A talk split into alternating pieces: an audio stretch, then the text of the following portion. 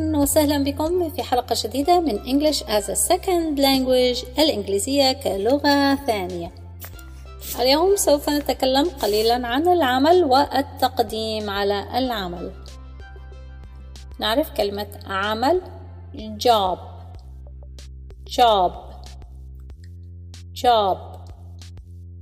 لاحظوا أن كلمة عمل باللغة الإنجليزية هي ثلاثة آه، أحرف J O B وعندما نرى الحرف O في منتصف الكلمة باللغة الإنجليزية الأمريكان لا يلفظونها أو أو يلفظونها آ قريبة إلى حرف الآ من حرف الأو فهن لا يقولون جوب جوب يقولون job job مع أن الحرف هو o ولكن يقال شبيه ب آ. مثال على ذلك كلمة علبة. علبة تكتب b o x فنظن أنها box box ولكن الأمريكان يقولون box box box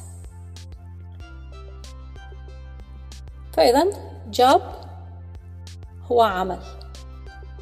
يقدم يقدم على عمل. كلمة يقدم هنا. apply. apply. apply. انتبهوا لا نقول apply نقول up ب ب apply. أقدم على عمل.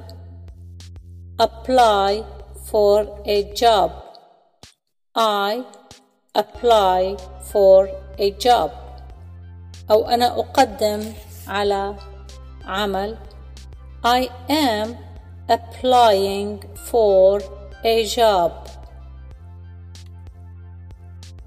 I am applying for a job I am applying for a job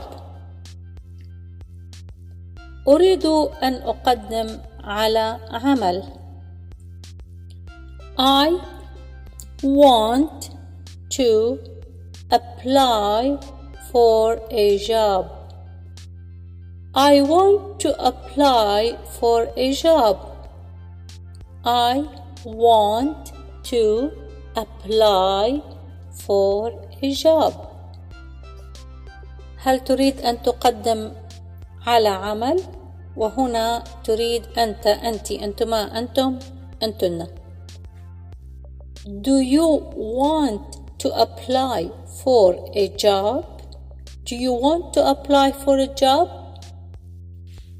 نعم أريد أن أقدم على عمل Yes, I want to apply for a job. Yes, I want to apply for a job. سأضع السؤال والجواب بسرعة هل تريد أن تقدم على عمل؟ نعم أريد أن أقدم على عمل Do you want to apply for a job?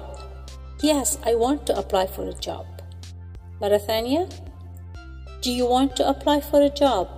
Yes, I want to apply for a job والآن السيرة الذاتية ممكن أن يقولون CV CV أو resume resume resume هل عندك سيرة ذاتية وهنا السيرة الذاتية المكتوبة على ورقة لتقديم عمل Do you have a resume?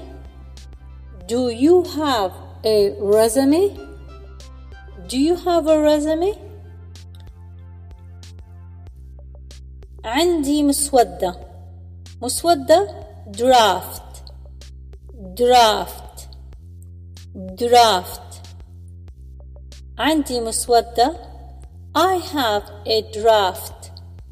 I have a draft. I have a draft. عندي مسودة للرزمي أو مسودة للسيرة الذاتية. I have a draft for my resume عندي مسودة لسيرتي الذاتية I have a draft for my resume. I have a draft for my resume.